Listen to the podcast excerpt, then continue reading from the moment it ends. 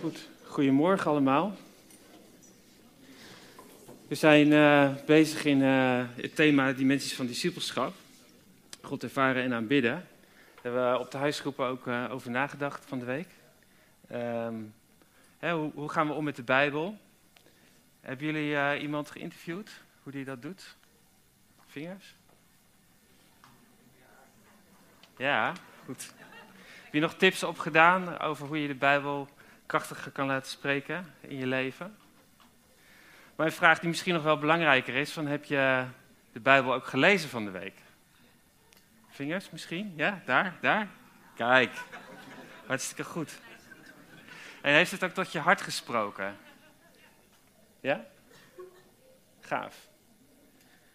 Nou, in, de, in de Vineyard geloven we dat um, Gods woord, de Bijbel, zijn levende woorden zijn. Hè? Die, nog steeds relevant zijn. En woorden die nog steeds spreken. Maar als we zeggen dat we dat geloven, dan uh, moeten we eigenlijk ook de vraag durven stellen of dat echt zo is. Of dat ook echt zo werkt voor ons. En dat is soms ook ingewikkeld. de Bijbel kan je soms best ervaren als een moeilijk boek of een lastig boek. Uh, waar je je aandacht bij eh, moet houden. Of misschien ben je wel sceptisch of gefrustreerd dat het niet zo spreekt tot jouw hart. En dat je anderen misschien mooie verhalen hoort vertellen, maar wanneer komt het nou echt in mijn hart binnen? En uh, ja, dat, is, uh, dat kan ingewikkeld zijn. En er zijn eigenlijk een hele hoop dingen in ons leven die daar invloed op kunnen hebben.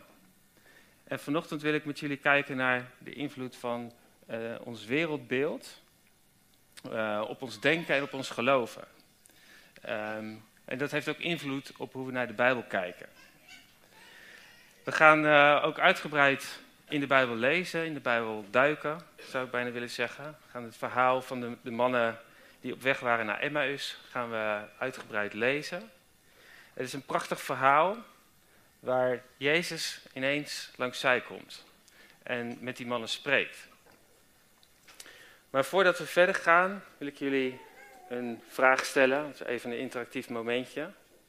En ja, mag het ook een eerlijke vraag zijn. Geloof jij dat Jezus vandaag bij jou langs zij zou kunnen of willen komen? Denk daar eens over na. Geloof je dat? En geloof jij dat hij met jou zou willen spreken? Vandaag, nu. Het is een, het is een open vraag die je mag beantwoorden in de eerlijkheid van je eigen hart. En uh, misschien denk je meteen, hey, van wat is het juiste antwoord? We zitten in een kerk, ik geloof dus, dat zou ja moeten zijn. Maar denk je echt dat dat mogelijk zou zijn? Dat hij vandaag tot jou zou willen spreken? Houd het antwoord even vast, daar kom ik later op terug. Ik had laatst een gesprek met een uh, collega. En uh, het ging over geloof. En het is een collega die uh, is echt een slimme gast. Hij denkt goed na. En uh, heel erg rationeel ook. En uh, het viel me eigenlijk op hoe makkelijk het voor mij was om zijn gedachtegang en zijn standpunten eigenlijk te begrijpen. Um, maar hij vindt dat geloven eigenlijk iets is voor iets wat onzekere mensen. En uh, misschien is dat ook wel zo. Mensen die iemand anders nodig hebben. En zijn rationele denken zit eigenlijk in de weg om, eh, om het concept van, van God, die onzichtbaar is, om dat in zijn denken te integreren. Om dat te aanvaarden. En ergens houdt dan het gesprek ook op.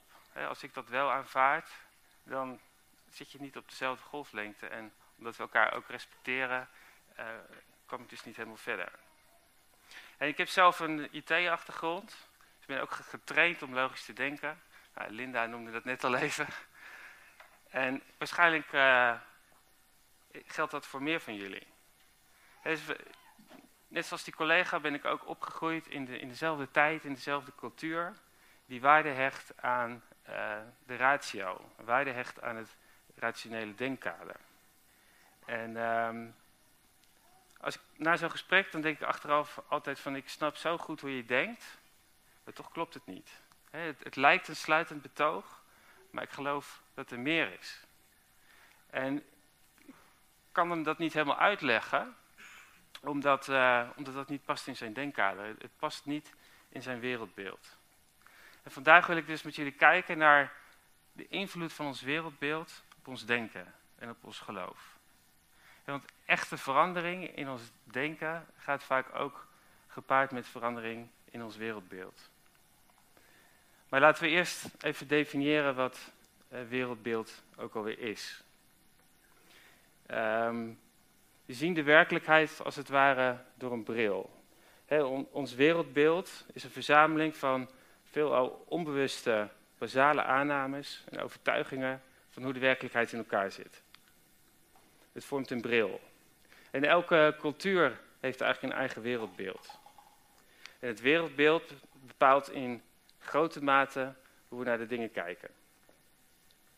En vaak realiseer je helemaal niet dat je uh, een wereldbeeld hebt. je ouders hebben je nooit op schoot genomen en gezegd uh, van jongen, meisje, dit is ons wereldbeeld. dat, dat bouw je onbewust op.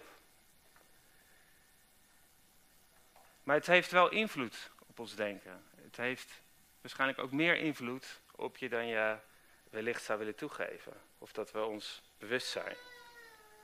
dus ons, ons wereldbeeld is de, de bril waarmee we kijken naar de wereld om ons heen.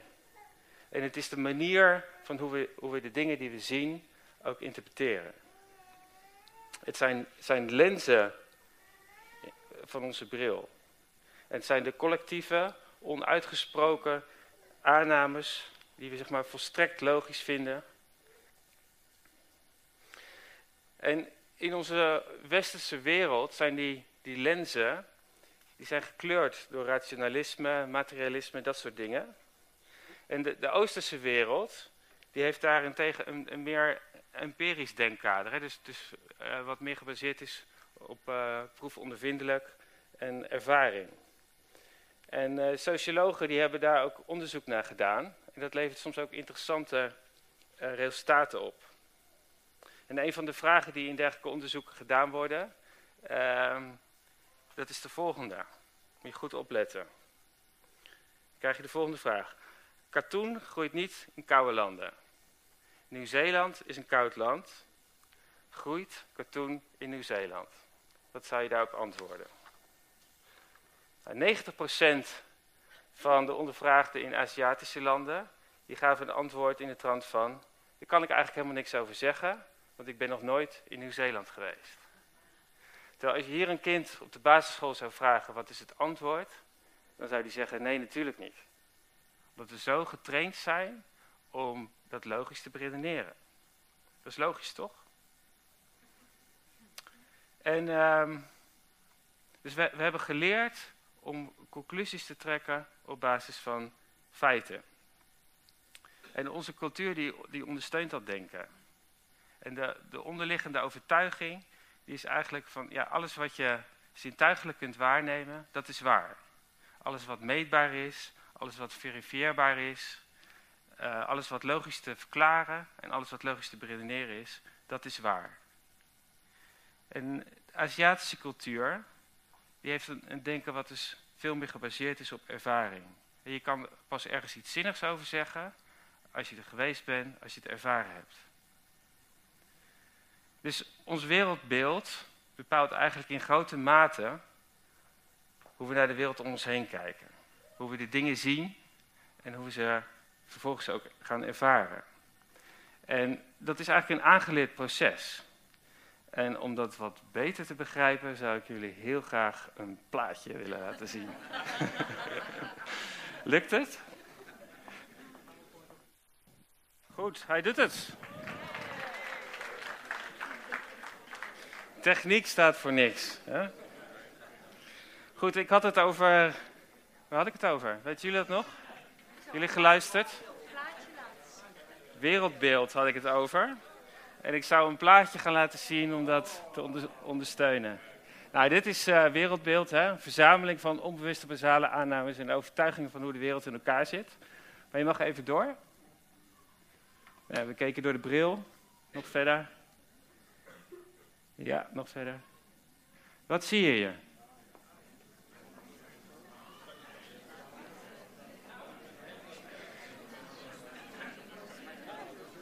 Wie, wie ziet er een mannetje met een saxofoon?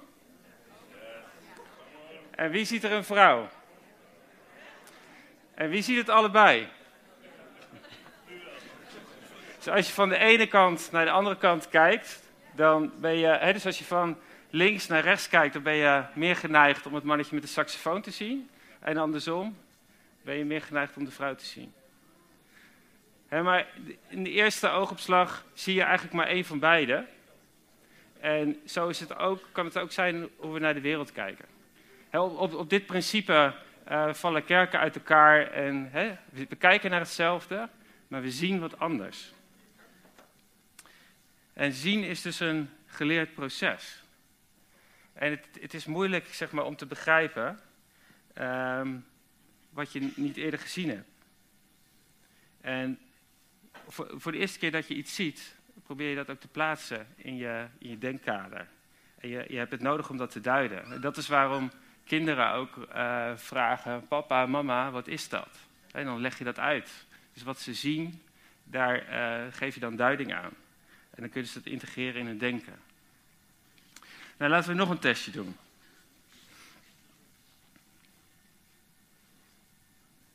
Ja, mag even. Hoeveel vierkanten zie je hier? Doe maar weg. Wie?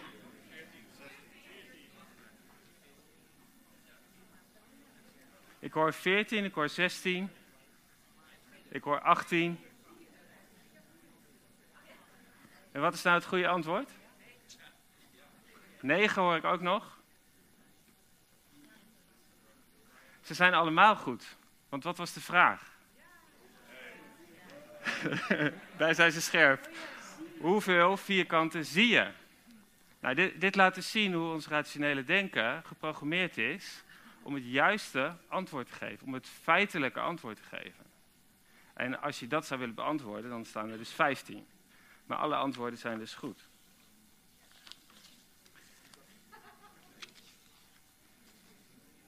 Dus zie je hoeveel invloed eigenlijk ons rationele denken heeft op zo'n eenvoudige vraag als van hoeveel vierkanten staan daar. En dat is door onze cultuur bepaald. Dat, daar worden we in getraind. Dat wordt, dat wordt ons aangeleerd. En dat is op zich ook niet slecht, hè? maar het is wel eenzijdig. En dit soort rationeel denken wordt gevoed door ons wereldbeeld, wat we hebben meegekregen. Maar zou het ook niet zo kunnen zijn dat dat soort dingen door ons hoofd heen gaan als we de Bijbel lezen? Zo van nee, dat kan niet, dat klopt niet. Nee, dat is niet logisch. En als het niet logisch is, is het dan wel waar? En we kunnen zo ook naar uh, een preek luisteren of naar iemand die iets getuigt of een woord deelt. Van ja, dat kan niet, dat is niet logisch. En dat soort denken, dat, vormt als het ware een, een filter in ons hoofd. En, Gods woorden, die horen we wel, ze komen eigenlijk niet binnen in ons hart. En dat is jammer.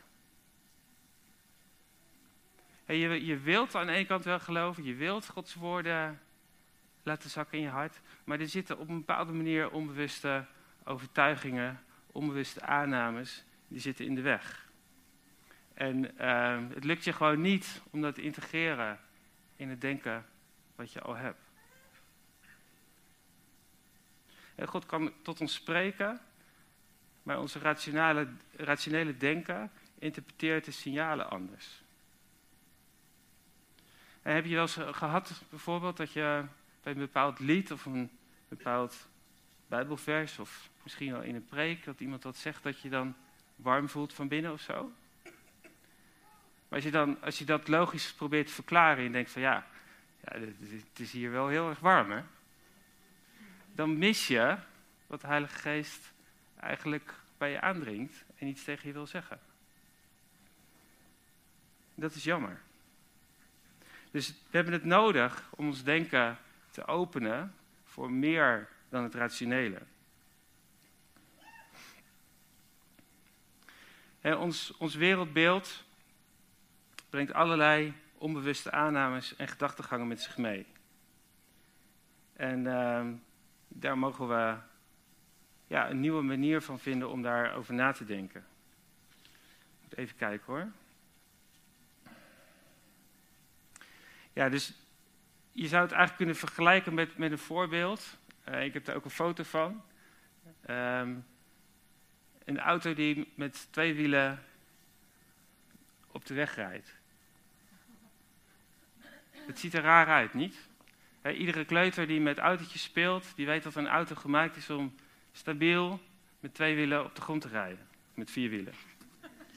Als je aan de voorkant kijkt, zijn het twee. dus um, niet alleen dat wat we weten of beredeneren geeft betekenis, maar ook wat we met ons hart ervaren. Dat mag er zijn. Het mag betekenis en kleur geven aan ons leven. Dus hoofd en hart samen in balans. En zo heeft God ons gemaakt. Dus beide vermogens zijn nuttig en zinnig om in te zetten. Ze zijn aanvullend. En uh, samen zijn ze dus eigenlijk ook meer dan uh, afzonderlijk. En om gezond te leven hebben we dus een wereldbeeld nodig wat uh, beide manieren van kennen integreert en waardeert. Nou, ik neem aan dat jullie allemaal wel C.S. Lewis kennen. C.S. Lewis die was uh, atheïst en hij is op een gegeven moment tot geloof gekomen. En hij heeft heel veel geschreven over het christelijke wereldbeeld. En ik wil jullie onderstaande quote dan ook niet uh, onthouden. I believe in Christianity as I believe that the sun has risen. Not only because I see it, but because by it I see everything else. Kan je volgen? Nog een keer. I believe in Christianity as I believe that the sun has risen. Not only because I see it, but by because by it I see everything else. Nou, C.S. Lewis die heeft in zijn literatuur daar veel aandacht aan besteed. En ook in zijn uh, bekende uh, fantasieromans, de Narnia-chronieken. En uh, daar laat hij eigenlijk ook op een fantastische manier zien uh, wat de beperking is van het uh, westerse wereldbeeld. Wat heel erg uitgaat van logisch denken. En ik wil jullie een scène laten zien uit ehm, The Lion, the Witch and the Wardrobe, een boek wat uh, verfilmd is. En je valt dan binnen in een scène van, het gaat over vier, vier kinderen. En Lucy is de jongste van, van de vier. En die heeft een, een hele wonderlijke fantasiewereld ontdekt achter de, de kleerkast. Nou, en haar broer en zus, oudste broer en zus, die geloven haar niet. Nou, dat leidt tot allerlei gedoe en gelazer. En uiteindelijk ook tranen. En dan volgt de volgende scène. Very sorry, sir. It won't happen again. It's our sister, sir. Lucy. The weeping girl. Yes, sir. She's upset. Hence the weeping. It's nothing. We can handle it. Oh, I can see that. She thinks she's found a magical land. In the upstairs wardrobe. What did you say? Um, the wardrobe upstairs. Lucy thinks she's found a forest inside. She won't stop going on about it. What was it like? Like talking to a lunatic. No, no, no, not her, the forest. You're not saying you believe her. You don't? But of course not. I mean, logically, it's impossible. What do they teach in schools these days? Edmund said they were only pretending. And he's usually the more truthful one, is he? No. This would be the first time. Well, if she's not mad and she's not lying, then logically, we must assume she's telling the truth. You're saying that we should just believe her? She's your sister, isn't she? You're a family. You might just try acting like one. Stevig. Maar dat illustreert het uh, heel mooi. Het, het wereldbeeld van, de, van die professor is duidelijk veel groter dan dat van uh, de oudste twee uh, kinderen. En dat geeft ruimte voor het onverklaarbare en het geeft ruimte voor verbeelding. En Lucy is jonger en die heeft, heeft al het rationele nog niet meegekregen. En die opent zich gewoon voor die wereld en voor de ervaring. En ze heeft meegemaakt wat ze heeft meegemaakt. En het is gewoon zo voor haar. Fantastisch. Goed. ehm, vorige week eh, deelde Dimf een eh, indruk waarin ze refereerde aan het verhaal van de, de man op weg naar Emmaus. En ik heb gevraagd of zij dat verhaal met ons wil eh, lezen. En ook dit is een verhaal waarin we eigenlijk een complete shift van eh, wereldbeeld zien. En ehm, laten we heel goed luisteren terwijl zij dat straks gaat voorlezen. En laat de tekst dan inwerken en ehm, vraag de Heilige Geest wat hij tegen jou wil zeggen. En in een van de, de filmpjes die we rondgemaild hebben, daar gaf Menno Helmers aan dat hij de Bijbel probeert te lezen en eigenlijk probeert te, te speuren naar welke tekst daarop ligt. Welke tekst eh, de Heilige Geest door hem wil spreken. Dus laten we dat met elkaar eens, eens oefenen als Dimf dat eh, gedeelte leest. Het is best een, eh, een aardig stuk. Dus ga er lekker voor zitten en ontvang het woord van God. Hè, welke woorden branden in jouw hart als je ze hoort of leest? En laten we, laten we naar Dimf luisteren. En ik wil graag ook eh, bidden dat we Gods woord horen. Dus vader, maak ons verstand eh, ontvankelijk voor uw woorden. En Heer, open de ogen van ons hart. In Jezus' naam. Amen. Diezelfde dag gingen twee van de leerlingen op weg naar een dorp dat Emmaus heet en 60 stadien van Jeruzalem verwijderd ligt. Ze spraken met elkaar over alles wat er was voorgevallen. Terwijl ze zo met elkaar in gesprek waren, kwam Jezus zelf naar hen toe en liep met hen mee. Maar hun blik werd vertroebeld, zodat ze hem niet herkenden. Hij vroeg hun: Waar loopt u toch over te praten? Daarop bleven ze somber gestemd staan.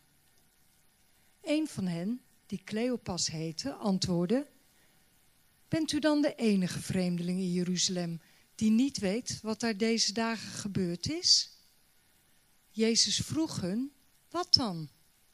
Ze antwoordden: Wat er gebeurd is met Jezus uit Nazareth, een machtig profeet in woord en daad, in de ogen van God en van het hele volk. Onze hoge priesters en leiders hebben hem ter dood laten veroordelen en laten kruisigen. Wij leefden in de hoop dat hij degene was die Israël zou bevrijden. Maar inmiddels is het de derde dag sinds dit alles gebeurd is. Bovendien hebben enkele vrouwen uit ons midden ons in verwarring gebracht. Toen ze vanmorgen naar het graf gingen, vonden ze zijn lichaam daar niet. En ze kwamen zeggen dat de engelen aan hen waren verschenen. De engelen zeiden dat hij leeft. Een paar van ons zijn toen ook naar het graf gegaan en troffen het aan zoals de vrouwen hadden gezegd. Maar Jezus zagen ze niet. Toen zei hij tegen hen: Hebt u dan zo weinig verstand en bent u zo traag van begrip dat u niet gelooft in alles wat de profeten gezegd hebben? Moest de Messias al dat lijden niet ondergaan om zijn glorie binnen te gaan? Daarna verklaarde hij hun wat er in al de schriften over hem geschreven stond. En hij begon bij Mozes en de profeten. Ze naderden het dorp waarheen ze op weg waren. Jezus deed alsof hij verder wilde reizen. Maar ze drongen er sterk bij hem op aan om dat niet te doen en zeiden: Blijf bij ons, want het is bijna avond en de dag loopt ten einde. Hij ging mee het dorp in en bleef bij hen. Toen hij met hen aan tafel aanlag, nam hij het brood, sprak het zegengebed uit, brak het en gaf het hun. Nu werden hun ogen geopend en herkenden ze hem. Maar hij werd onttrokken aan hun blik. Daarop zeiden ze tegen elkaar: Brandde ons hart niet toen hij onderweg met ons sprak en de schriften voor ons ontsloot? Ze stonden op en gingen meteen terug naar Jeruzalem, waar ze de elf en de anderen aantroffen. Die tegen hen zeiden: De Heere is werkelijk uit de dood opgewekt en hij is aan Simon verschenen. De twee leerlingen vertelden wat er onderweg gebeurd was en hoe hij zich aan hen kenbaar had gemaakt door het breken van het brood. Terwijl ze nog aan het vertellen waren, kwam Jezus zelf in hun midden staan en zei: Vrede zij met jullie. Verbijsterd en door angst overmand, meenden ze een geestverschijning te zien. Maar hij zei tegen hen: Waarom zijn jullie zo ontzet? En waarom zijn jullie ten prooi aan twijfel? Kijk naar mijn handen en voeten, ik ben het zelf. Raak me aan en kijk goed, want een geest heeft geen vlees en beenderen zoals jullie zien dat ik heb. Daarna toonde hij hun zijn handen en zijn voeten. Omdat ze het van vreugde nog niet konden geloven en stom verbaasd waren, vroeg hij hun: Hebben jullie hier iets te eten? Ze gaven hem een stuk geroosterde vis. Hij nam het aan en at het voor hun ogen op. Hij zei tegen hen: Toen ik nog bij jullie was, heb ik tegen jullie gezegd dat alles wat in de wet van Mozes, bij de profeten en in de psalmen over mij geschreven staat, in vervulling moest gaan. Daarop maakte hij hun verstand ontvankelijk voor het begrijpen van de schriften. Hij zei tegen hen: Er staat geschreven dat de Messias zal lijden en sterven maar dat hij op de derde dag zal opstaan uit de dood. En dat in zijn naam alle volken opgeroepen zullen worden om tot inkeer te komen, opdat hun zonden worden vergeven. Jullie zullen hiervan getuigenis afleggen, te beginnen in Jeruzalem. Dankjewel. Goed. Welke tekst sprong er bij jou van de pagina af. Bij welke tekst voelde je het branden in je hart? Laat dat even op je inwerken. Misschien is het ook goed om het op te schrijven of uh, te onderstrepen of zo. En toen ik dit gedeelte las, viel mij met name op hoe het wereldbeeld van deze mannen totaal verandert. want wat, wat was het wereldbeeld wat ze hadden? Dat kunnen we zien in vers 21. Er staat, wij leefden in de hoop dat hij degene was die Israël zou bevrijden. Maar inmiddels is, is het de derde dag sinds dit allemaal gebeurd is. Dus deze mannen waren verward en ze hadden hun hoop verloren. En ze waren niet in staat om Jezus te zien terwijl hij bij hen was. Herken je dat? Hun blik was vertroebeld. En uh, ze ervaarden wel dat, dat Jezus' woorden zeg maar, in hun hart brandden. Maar ze zagen, ze zagen dat niet. En pas achteraf hadden ze het door en werden hun ogen geopend. En konden ze benoemen dat dat, dat uh, branden van die woorden, uh, dat dat Jezus was. Dus Jezus neemt hen mee, stap voor stap. Hij vernieuwt hun denken. En hij geeft nieuwe betekenis en context aan de gebeurtenissen. Hij legt de Bijbel voor hen uit. En wat essentieel is, is dat de gebeurtenissen waren niet veranderd. Wat er in de profeten en in de boeken van Mozes staat, dat was niet veranderd.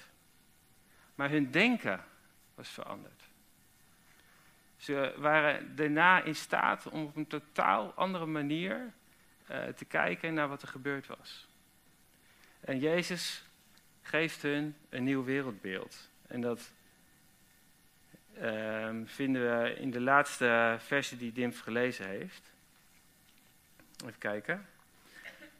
Vanaf vers 45, daar staat, staat ook letterlijk dat Jezus dat aan het doen is. Hè? De schrijver die had dat dus ook door, dat dat aan het gebeuren was. Vers 45. Daarop maakte hij hun verstand ontvankelijk voor het begrijpen van de schriften. En dat is wat we nodig hebben, dat Jezus ons denken ontvankelijk maakt te begrijpen wat er in de Bijbel staat.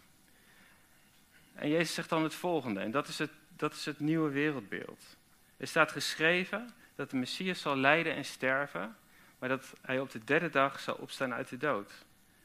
En dat in zijn naam alle volken opgeroepen zullen worden om tot inkeer te komen, opdat hun zonden worden vergeven. En jullie zullen hiervan getuigenis afleggen, te beginnen in Jeruzalem. Dat is het hart van het evangelie, dat is het hart van Gods koninkrijk. Dat is het, het, nieuwe wereldbeeld wat God ons wil geven door de Bijbel heen.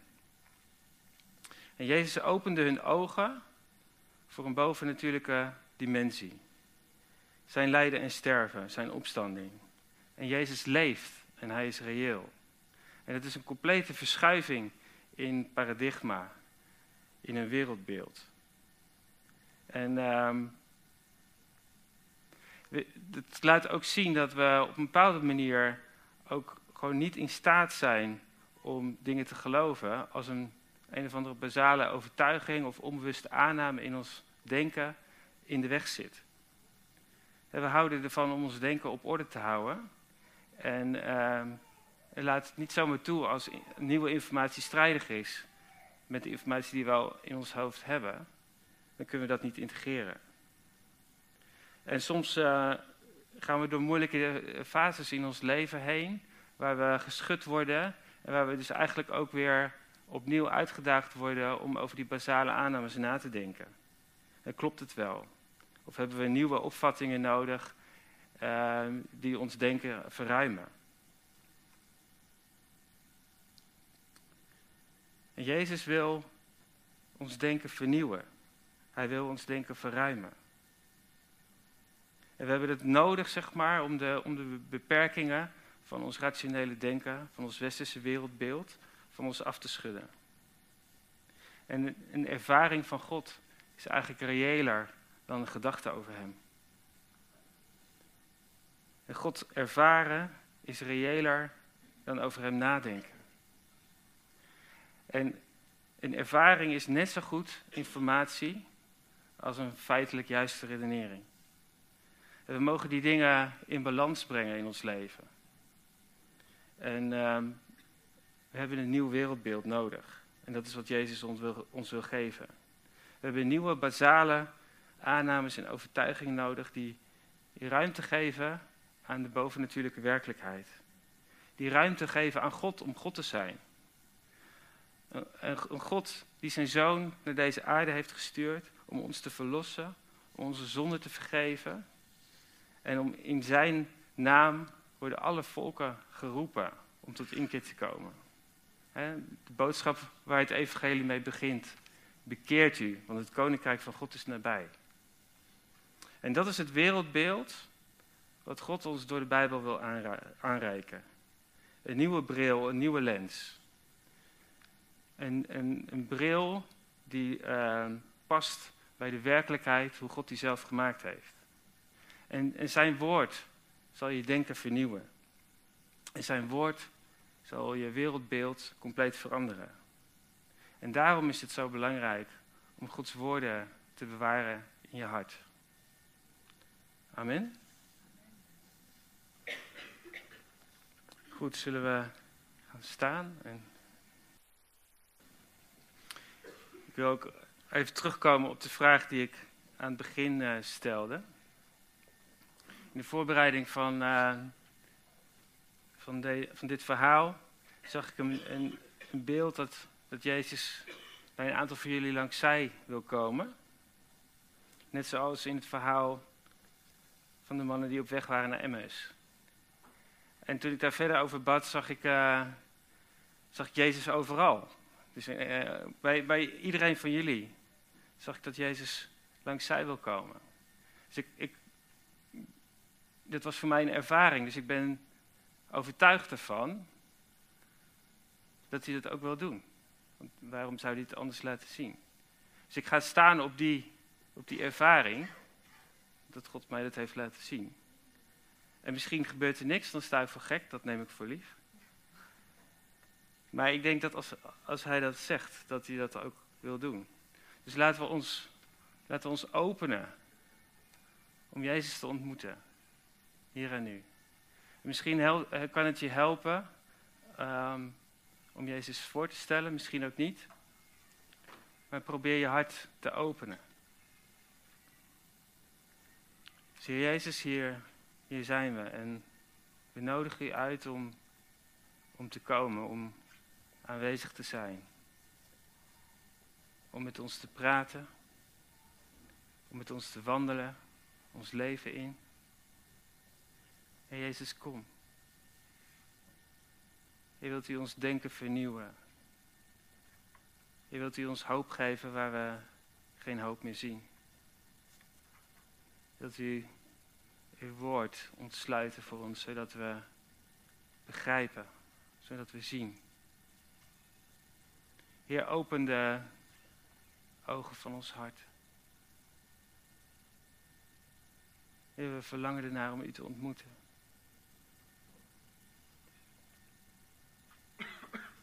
En vader, we, we leggen het rationele denken van onze cultuur ook in uw hand.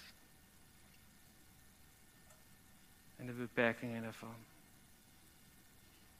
Heer, open ons denken, open ons hart, Heer, voor nieuwe ervaringen. Voor, voor bovennatuurlijke ervaringen van wie u bent. Heer, bouw geloof in ons hart, Heer. Zodat we ook dingen zeker kunnen weten, terwijl we ze niet kunnen beredeneren. Heer, dat is geloof, ja? Heer, vul ons hart, Heer, met uw geloof.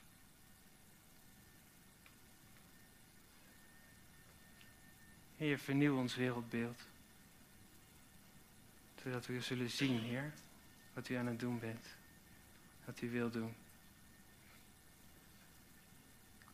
Kom met uw koninkrijk. In Jezus' naam. Goed, er is ook uh, gelegenheid om gebed te ontvangen. En wellicht dat er uh, mensen zijn die iets ontvangen. Uh, kom dan even naar voren en dan kijken we wat we daarmee willen doen. Um, ik had in ieder geval een indruk dat er um, een aantal mensen zijn die um, zo ontzettend getraind zijn, zeg maar, om het juiste antwoord te geven. In plaats van dicht bij je hart te blijven en je eigen echte overtuiging. En Jezus wil je, wil je aanraken. Eigenlijk op twee manieren. Hij wil je aan de ene kant je denken vernieuwen en aan de andere kant wil hij je nieuwe ervaringen geven. Dus als dat voor jou geldt, um, laat voor je bidden. En ik had ook de indruk dat, um, dat Jezus de Bijbel wil ontsluiten. Dus misschien geldt dat voor jou, dat het uh, lastig is voor je om de Bijbel te lezen. Dat je alleen maar uh, letters leest en dat het, dat gewoon niet binnenkomt. En uh, ja, Jezus wil de Bijbel voor je ontsluiten, net zoals hij dat voor ehm, deze twee mannen deed waar we het over hadden. En het derde is als je op de een of andere manier hoop bent kwijtgeraakt en je Jezus niet meer kan zien in de situatie, um, ja, laat dan voor je bidden. Een grote kans dat hij er wel is, maar dat je hem eventjes niet ziet. En je hebt een, een nieuw denken nodig om hem weer te zien. En hij wil je dat geven. Jezus wil onze ogen openen, zodat we Hem zullen zien. We gaan ook uh, aanbidden. Uh, kom, uh, kom in beweging. Ontvang gebed.